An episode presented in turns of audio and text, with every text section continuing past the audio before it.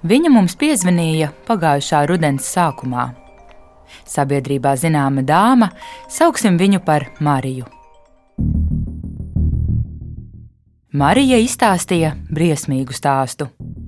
Viņas adoptētais bērns, tobrīd desmitgadīgs puika, atzinies, ka agrāk auģu ģimenē ticis seksuāli izmantots. Bērni ir iedot ģimenē, uzsēdināt uz kaut kādu porno. Marija pauda aizdomas, ka bērns kļuvis par kāda pedofilu tīkla upuri, bet likumsargi vilcinās lietu izmeklēt. Tāpēc viņa vēlējās iesaistīt žurnālistus. Ir pagājuši deviņi mēneši, kopš mēs šai lietai sekojam līdzi, un patiesi krimināla process ir iestrēdzis, un neviens pie atbildības nav saukts. Taču šajā laikā pieredzējām negaidītus pavērsienus, kā piemēram Marijas centienus bērnu atdot bioloģiskajai mātei. Tas vispār ir, nu, lai neteiktu, varbūt kaut kādā mērā pretdabiski, tas ir pretlikumīgi. Kas īstenībā noticis ar puiku un kāpēc šī lieta joprojām nav izmeklēta, to pētīšu es, Baiva Runce. Pirmā daļa - Mama.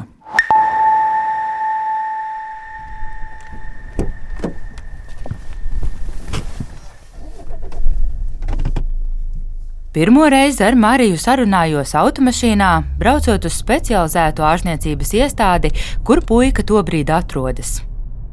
Lai sargātu zēna identitāti, esam mainījuši ne tikai mammas vārdu, bet arī balsi. Kā tas viss notika? Tad, tad eh, es pieteicos uz bērnu, vienu no 2 līdz 3 gadiem. Labklājības ministrijas sūtītajos sarakstos ievērojusi divus brāļus, kuri tobrīd dzīvoja auģu ģimenē. Pēc vairākām tikšanās reizēm zēni pie viņas ievēcās uz likumā noteikto pirmsadopcijas laiku.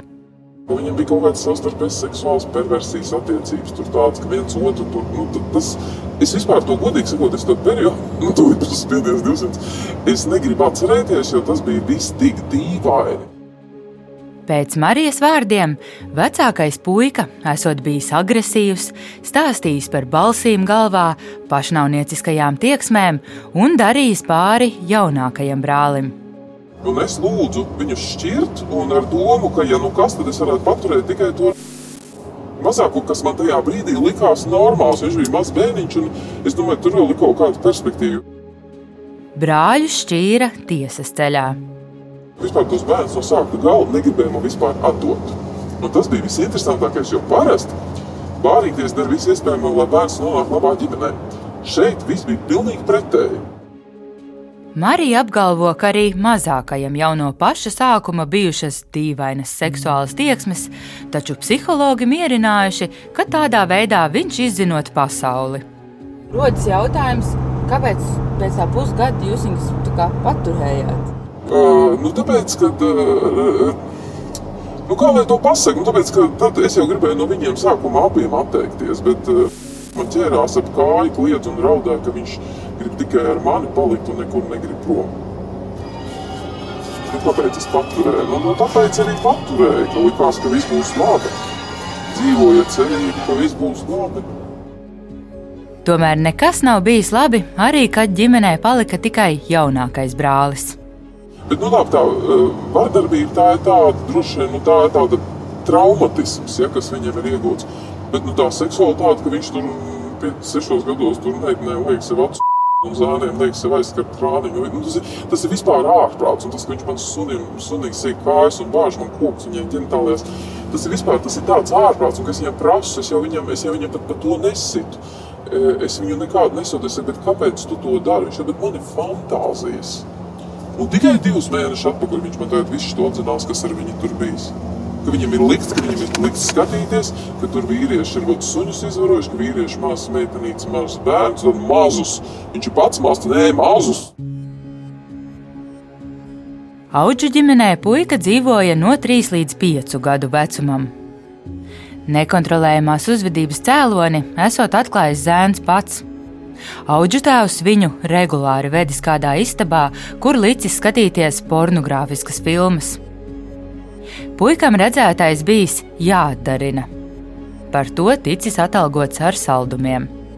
Es domāju, ka to bērnu kāds, ka bija vajadzīgs kādam ietekmīgam vīrietim, vai nu izklaides sunītis, vai porno biznesa, vai seksverks, un viņš kādam augšu stāvošam cilvēkam caur sakariem pateicis, ka man vajag tādu un tādu bērnu, lūdzu sagatavojiet man tādu.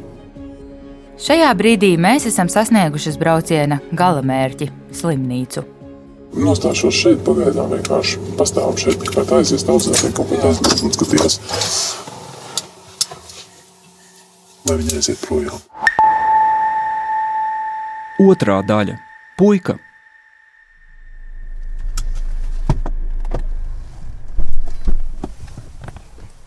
Mēs redakcijā uzskatījām, ka runāt ar puiku mums nevajadzētu, lai viņam vēlreiz nav jāiet cauri traumējošajai pieredzei. Taču Marija uzstāja, ka dēls to neizjūt kā traumu. Viņš notikušo uztverot normāli. Speciālisti norādījuši, ka puikam ir psihopātija, samazināta empātija un sirdsapziņa. Viens variants, ka jūs varat mašīnā pasēdēt, mēs varam aiziet uz jūru. Aizejam! Turklāt Marija vēlējās, lai zēnu satieku pēc iespējas ātrāk, kamēr viņam nav izskalotas smadzenes. Tie ir Marijas vārdi. Lai tu saprastu, ka tev neprasīs, ko tu pusdienās ēdi un ko tu pakāji, tad tev ir šis mūsu stāsts, intervija būs tieši tas, par ko mēs runājam, ka tev ir jāstāsta patiesība, tikai patiesība un cik vien maksimāli tu vari atcerēties visu to periodu, kas bija tev. Jā, es paiešu. Cik daudz tu atceries vispār no tā? Nu, tā kā mazliet, uh, nu, mamma jau arī var pateikt, ka uh, man šķiet, ka mazliet. Arī puikas balsi esam pārveidojuši. Zēns stāsta, kā vests televizora istabā un kā viņam bijis jādara viss, ko Marija man jau ir stāstījusi.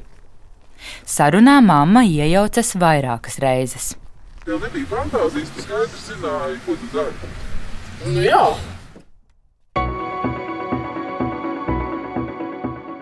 Vēlāk māma man atsūta divus pašas filmētus video, kur viņa dēlam atkal un atkal jautā par to pašu.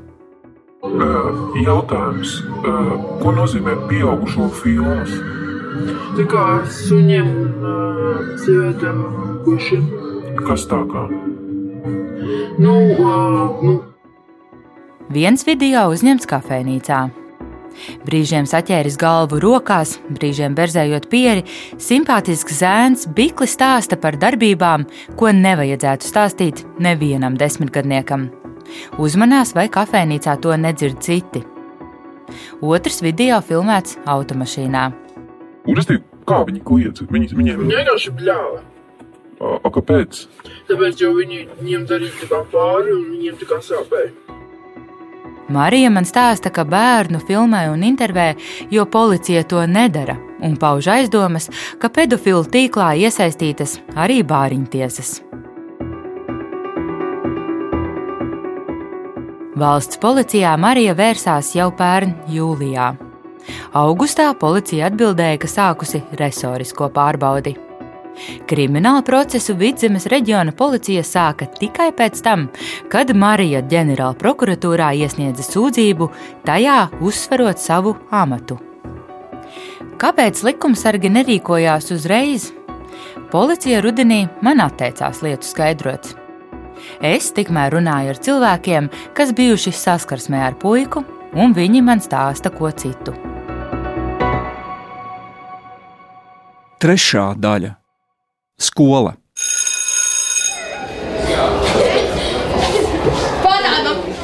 Nonākuši Marijas mājās, abi brāļi sāka mācīties kādā Rīgas skolā. Tur viņš uh, ir uzmācījies zēniem, meitenēm, kodas skolotājiem, zādzes. Par dēla gaitām galvaspilsētas skolā izteicās mamma.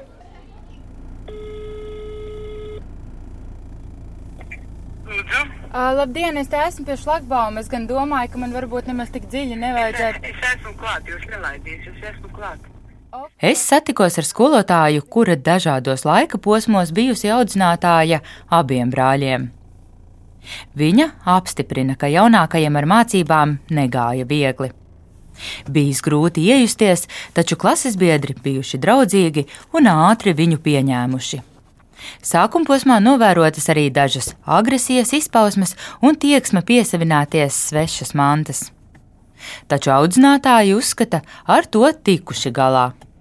Vai viņš uzmācās seksuāli kādiem citiem cilvēkiem? Nē, klas, to es nered, nejūtu, neredzēju. Vai... Nē, nē, viņš, jā, kā jau mazo klašu bērni, atnāk un apķeras savai skolotājai. Tā ļoti daudz mazo klašu bērnu dara.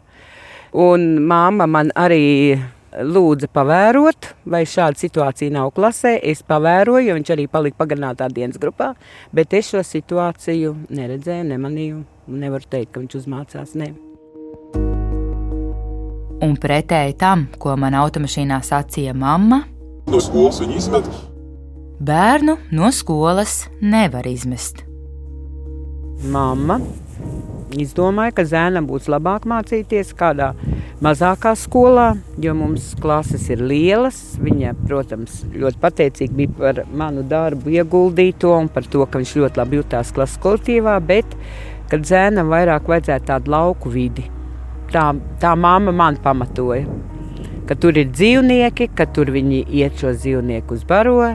Ļoti daudz, es saprotu, nodarbības ir stundas ārā, bet nu, es sapratu, ka tā ir skola, kur ir visu nakšņošanu.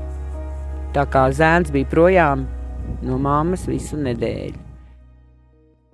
Jau nākamajā dienā pirmklasnieks iestājās kādā privātskolā Vidzemē. Taču pēc māmas versijas arī tur puika atzīts par bīstamu apkārtējiem, un skola lūgusi viņu izņemt. Pēdējos mācību mēnešos tika novērots liels regress attiecībās ar līdzcilvēkiem un dzīvniekiem, kas izpaudās lielākā agresijā un nesavaldībā. Teikts skolas vadības raksturojumā, ko man iedod Marija nonākot histērijā, apdraud citus cilvēkus, gan pieaugušos, gan bērnus, arī dzīvniekus.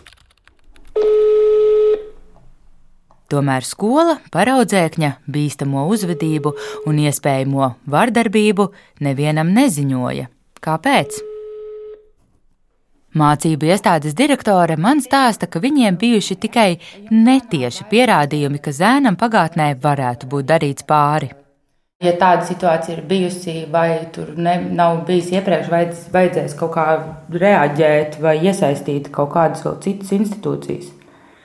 Nu, mēs vispirms cenšamies atrisināt to situāciju ar bērnu un vecākiem kopā. Un, un tad, kad tiešām tā situācija jau nu, bija tāda samilzus, un arī mātei bija aizdomas, un, un, kā, tad viņa to ziņoja. Jo, Nu, kā es saku, tas ir tādi tiešām netieši un sīki gadījumi, par kuriem nu, kā, mēs neziņojām policijai. Direktore gan atzīst, problemātiskā uzvedība varētu būt saistīta arī ar to, ka bērns ilgstoši atradies probūtnē no mātes. Valsts bērnu tiesību aizsardzības inspekcijas Bāriņtiesu un auģu ģimeņu departamenta direktore Valentīna Gorbunova par Marijas dēla lietu ir informēta. Tomēr publiski klāstīt lietas apstākļus nevar. Jautāju teorētiski, kāpēc tik mazu bērnu vispār sūtīt uz internātu skolu? Gorbunova atbild, ka tas būtu attaisnojams, ja bērnam nepieciešama speciāla izglītība, kas dzīves vietas tūmā nav pieejama. Bērnam noteikti regulāri ir jādodas mājup. Nav pieļaujamas situācijas, ka bērni ilgstoši uzturās internāta skolā un nedodas uz savām mājām, jo nu, tad mēs nevaram runāt par aprūpi ģimeniskā vidē. Bet, protams, ka jebkura bērnam ierastas vides maiņa ir nu, savā ziņā bērnam traumatiska. Inspekcija pašlaik vērtē bāriņties uzraudzību gan laikā, kad bērns atradās auģu ģimenē, gan Marijas mājās. Brīdī, kad puika bija ievietots internātskolā vidzemē, Rīgas bāriņtiesai ģimene bija regulāri jāuzrauga, jo nebija beidzies pēcadopcijas uzraudzības periods. Rīgas bāriņties arī bija tā, kas izvērtēja, vai Marija bērnu var adoptēt un kādas ir viņu attiecības pirmsadopcijas laikā, kad bērns ģimenei nodots uz laiku. Šeit tas uzdevums ir primāri saprast, nu, kā bērns jūtas, kā jūtas arī pats adoptētājs, un eh, kas varbūt ir tie kaut kādi eh, nu, brīdinājuma signāli vai kaut kādas grūtības, kas adoptētājiem rodas. Rīgas bāriņtiesa Marijas lietu nekomentē, tikai norāda, normatīvajos aktos noteikto kārtību ievēro.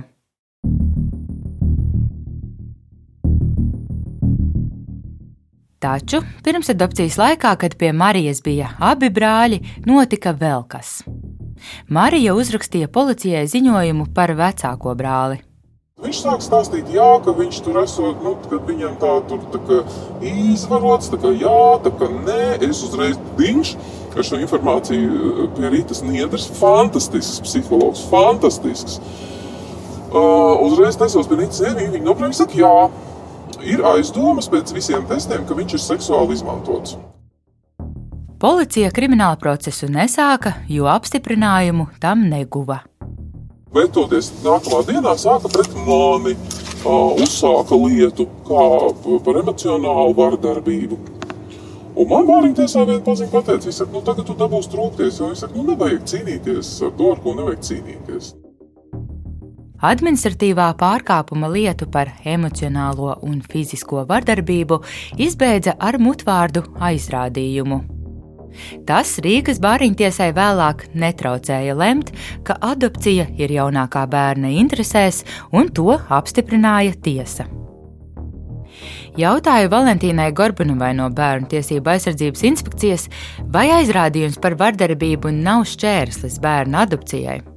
Protams, ka viennozīmīgi, ja eh, vecāki ir bijuši saukti pie šāda veida administratīvās atbildības, Tam ir jābūt kā, kā sarkanajam signālam, ka bāriņtiesai būtu pastiprināti jāvērtē, varbūt papildus psihologa izpēte, varbūt nu, ciešāka eh, šī pirmsadopcijas uzraudzība. Proti, to nevar atstāt kā kaut kādu maznozīmīgu apstākli, eh, nu, paļaujoties uz kaut kādu nu, tā gadījās. Marija stāstīto par agresīvo un neadekvāto vecāko brāli man neapstiprināja ne ģimene, kura viņu tagad adoptējusi, ne Rīgas skola. Kad viņš skolu pametis, klases biedri un skolotāji ļoti pārdzīvojuši. Pats zēns skumjās raudājis. Bet tieši vardarbība bija iegansts, kāpēc brāļus izšķīra. Vidzemes novada bāriņtiesa, kura pirms adopcijas pārstāvēja viņu intereses, pret brāļu šķiršanu iebilda. Komentārus man tā atteica. Ceturtā daļa bioloģiskā māte.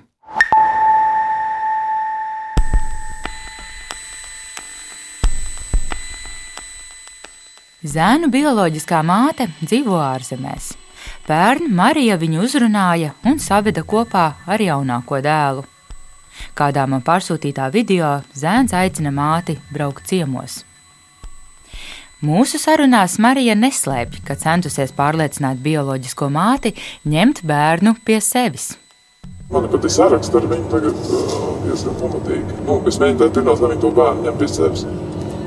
It kā viņa alkoholu nelietojot. Ar bioloģisko māti sazinos arī es. Saukšu viņu par Daci. Dace man pārsūta Marijas rakstītās ziņas, ka dēlam vislabāk būs ārzemēs pie bioloģiskās mātes. To, citēju, apstiprinājuši psihiatri, psihologi un slimnīcas personāls. Marijas advokāts palīdzēšot nokārtot dokumentus, lai bērns pie viņas varētu dzīvot uz pilnvaras pamata. Es jums iedodu uzturu līdzekļu naudu kaut kādā sākumā, un tad es jums to 120 eiro vai kā viņa teica, cik mēnešu tāda nauda, kas pienākās viņam, viņa paskaitīšot man viņu. Dace piekrita un sāka kārtot dokumentus. Plānoju pat ierasties Latvijā pakaļ bērnam. Marija piedāvāja apmaksāt avio biļetes. Bioloģiskajai mātei nodot aprūpē vienkārši uz pilnvaras pamatā. Nē, ja mēs runājam par ētisko pusi, tad nu, tas ir amorāli. Tas ir vienkārši amorāli. Kategoriski ir bērnu tiesība aizsardzības inspekcijas pārstāve Valentīna Gorbunova. Latvijā adopcija līdz bērna pilngadībai nav atceļama. Ja adoptētājiem rodas problēmas ar bērnu audzināšanu, tiek iedarbināts tāds pats process kā bioloģisko bērnu un vecāku attiecību pārtraukšanā. Sākumā vecākiem tiek dota iespēja situāciju labot. Ja nemainās arī tajā periodā nekas, tad tiek celta prasība tiesā aizgādības tiesību atņemšanai. Bet juridiski vienalga šis vecāks, kurš savulaik bērnu ir adoptējis, ir un paliek viņa juridiskais vecāks ar visiem izrietušajām sekām. Vecāks gan var nodot bērnu citas personas aprūpē uz noteiktu laiku. Ja šis laiks pārsniedz trīs mēnešus, tad nepieciešams bāriņtiesas izvērtējums. Taču atbildību par bērnu joprojām nes juridiskais vecāks. Ir jāsaprot, ka juridiski šis adoptētais bērns pie sava bioloģiskā vecāka nevar atgriezties jo ar adopcijas procesu tiek izveikt, izbeigtas jebkāda veida juridiskās attiecības ar uh, bioloģisko vecāku. Dace par Marijas plāniem bērnu nodot viņai ziņoja bāriņtiesai. Ko tai bāriņtiesai vajadzētu darīt? Bāriņtiesai faktiski šajā situācijā ir jāvērtē adoptētāju vecāku atbildība, proti, vai viņi kā likumiskie, šobrīd jau pēc adopcijas bērna likumiskie vecāki, pilnvērtīgi realizē savas aizgādības tiesības, vai viņi ar savu rīcību nekaitē bērna labākajām interesēm, pilnvērtīgai attīstībai, eh, psihoemocionālai labsajūtai un tā tālāk. Bet kas notiek, ja viņi izvērtē un saprot, konstatē, ka kaitē? Tā tad ir aizgādības tiesību pārtraukšana jau šiem adoptētāju vecākiem. Vai Rīgas bāriņtiesa Marijas rīcību pārbaudīja, man nav zināms, jo, kā jau teicu, informāciju tā nesniedz. Taču Marija pēkšņi pārdomāja. Dāce no viņas saņēma ziņu, ka pilnvaru neizsniegs, jo neusticas. Viņa man atbildēja, es viņas ieslēgšu sarunu, lai jūs dzirdētu. Te Latvijā klīst baumas, ka jūs darbojaties bērniņtiesas labā, tāpēc jums arī visu labu. Dievs jūs tiesās, ja nu melojat, visu šo laiku. Es nemeloju, es vienkārši biju, es tiešām es gribēju braukt un kaut ko darīt, bet es nesaprotu, kas notika. Saziņu ar bioloģisko dēlu Dace tomēr turpināja. Viņai zināms, ka bērns šobrīd atkal ievietots skolā tālu prom no galvaspilsētas. Tajā mācās bērni ar garīgās veselības traucējumiem. Šādas speciālās pamatizglītības programmas ir arī Rīgā. Man zināms, ka reģiona skolas izsniegtajā raksturojumā bērnu uzvedībā novirzes vai traucējumi nav konstatēti.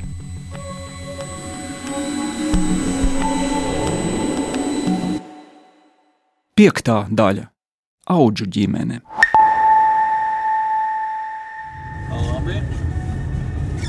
Jā, jā.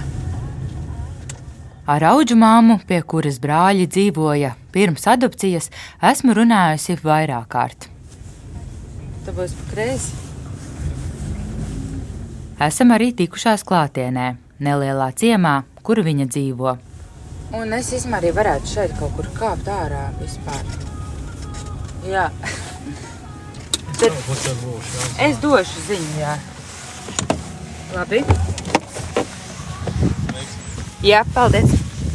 Tomēr šo sarunu viņa lūdza neierakstīt.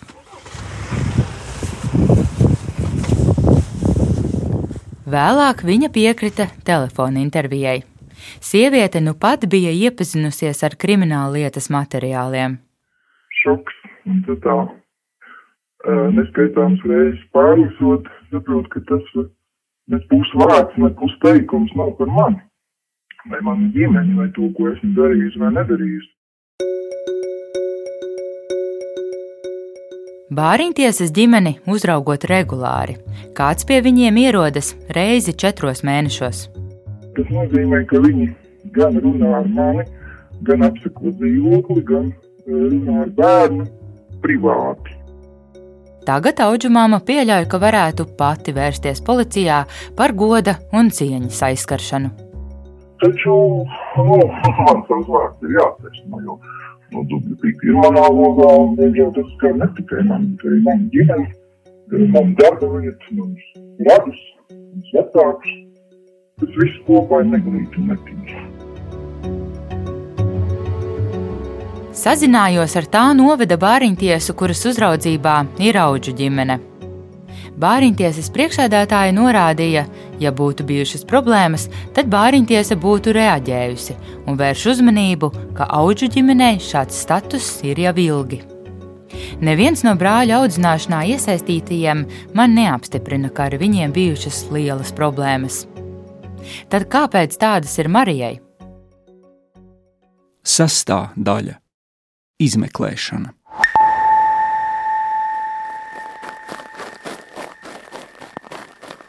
Marija darījusi visu, lai bērns kļūtu par ģēniju. Zēns apmeklējis vairākus pulciņus, aktīvi sportojis. Viņš skrēja desmit km jau man. Uh, jā, es ar mašīnu braucu, es jau nevaru izskriet. Es, es braucu, mēs braucām pa lauku ceļiem, un viņš skrēja. Un tāpēc, ka viņam arī vajadzēja izskriet, un, un viņam uzlabojās mācības. To, ka Marija cerēja izaudzināt olimpisko čempionu, apstiprina audzinātājas pieredze. Mācoties pirmajā klasē Rīgas skolā, zēns katru rītu pirms stundām skrējas stadionā. Jā, to es redzēju pati. Un dežuranti man vēl teica, kāds malacis ir tavs klases zēns katru rītu. Taču pretēji Marijas stāstītajam, ka dēls viņai nemaz nav pieķēries, audzinātāja atceras ko citu. Un runājot par ģimeni, es vienmēr saku, tu padomā, nu, kas tev ir vismīļākie cilvēki, ko tu gribi uzzīmēt. Nu, vienmēr mazākais zēns zīmēja, jaunākais brālis zīmēja, ka viņš kopā ar, ar, ar savu māmu. To, kas viņu adoptēja. Jā, viņš, jā. viņš viņu tā kā jā, uzskatīja jā. par māmu. Un arī lielākais brālis ļoti. Tikmēr iesniegumā ģenerāla prokuroram Marija aprakstījusi, cik bīstams sabiedrībai ir dēls. Tas, kas ir nodarīts zēnam, ir neatgriezenisks, jo viņam šobrīd ir visas zoofīlijas un pedofīlijas pazīmes. Ārsti nedod nekādas cerības, ka šo būtu iespējams izārstēt. Līdz ar to uzskatu, ka konkrētais noziegums, kas ir veikts pret šo bērnu, varētu tikt traktēts kā noziegums gan pret bērnu, gan pret sabiedrību kopumā, jo pateicoties šādai perversai audzināšanai, ir radīts noziedznieks, kura tālāko rīcību nav iespējams prognozēt. Policija lietu pēc būtības joprojām nekomentē. Krimināla process sākts par noziedzīgiem nodarījumiem pret likumību un dzimumu neaizskaramību. Aizdomās turamā status nevienam nav piemērots. Uzraugošā prokurore Sandra Kalniņa nepiekrīt, ka lieta pārāk ielgusi. Viņa uzdevusi veikt virkni darbību, nopratināt vismaz 11 cilvēkus. Rakstiskā atbildē prokurore norāda, ka izmeklēšanas laiku ietekmē dažādi apstākļi, piemēram, Lietā izdarāmo izmeklēšanas darbību skaits, krimināla procesa likumā noteiktie ierobežojumi un kārtība noteikti izmeklēšanas darbību veikšanai, pretrunu apjoms izmeklēšanas darbību gaitā noskaidrotajās ziņās un tā tālāk. Uz jautājumu, vai pašlaik tiek ievērotas bērna tiesības un viņš nav ticis traumēts, prokurore neatbildēja. To pašu uzdevu Valentīnai Gorbunovai no Bērnu tiesību aizsardzības inspekcijas. Es nevaru uzreiz apgalvot, ka noteikti tas ir pārkāpums. To, ka tas var tikt vērtēts no skatu punkta, vai ar šādu rīcību vecāks nepārkāpja bērnu tiesības, bērnu labākās intereses.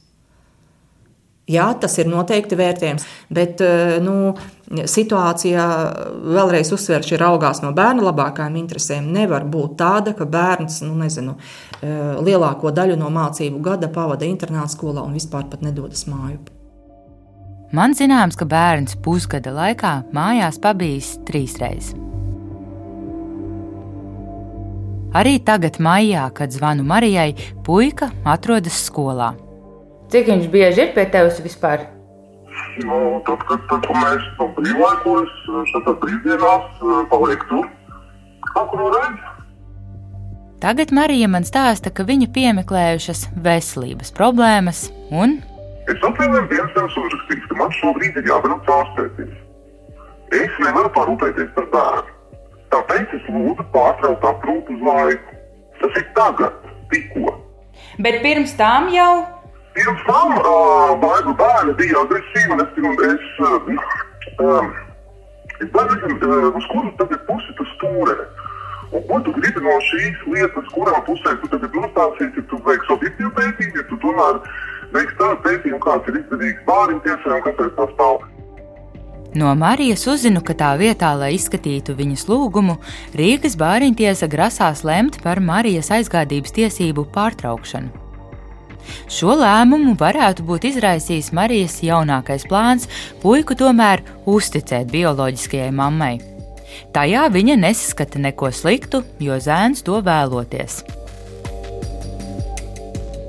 Pēc deviņus mēnešus ilgas mētāšanās starp specializētām ārstniecības iestādēm, īpašām skolām, divām mamām, pārbaudēm un ekspertīzēm, puika drīzumā visticamāk nonāks jaunās mājās. Bet kādās? Atbildes nav arī uz vēl pāris būtiskiem jautājumiem. Kurš īsti puikam nodarīja pāri un vai par to atbildēs? Un kā neviens no bērnu tiesību aizsardzībā iesaistītajiem nepamanīja, ka tas, kas notiek ar puiku, nav normāli, un šo traumējošo pieredzi laikus nepārtrauca. Mariju mana iztaujāšana beigās sanikno, un sarunu viņa noslēdz ar vēlējumu. Bet, ja tur būs nepatiesība, es tiesāšos ar tādu. Es sapratu. Labi. Ok, ata. ata.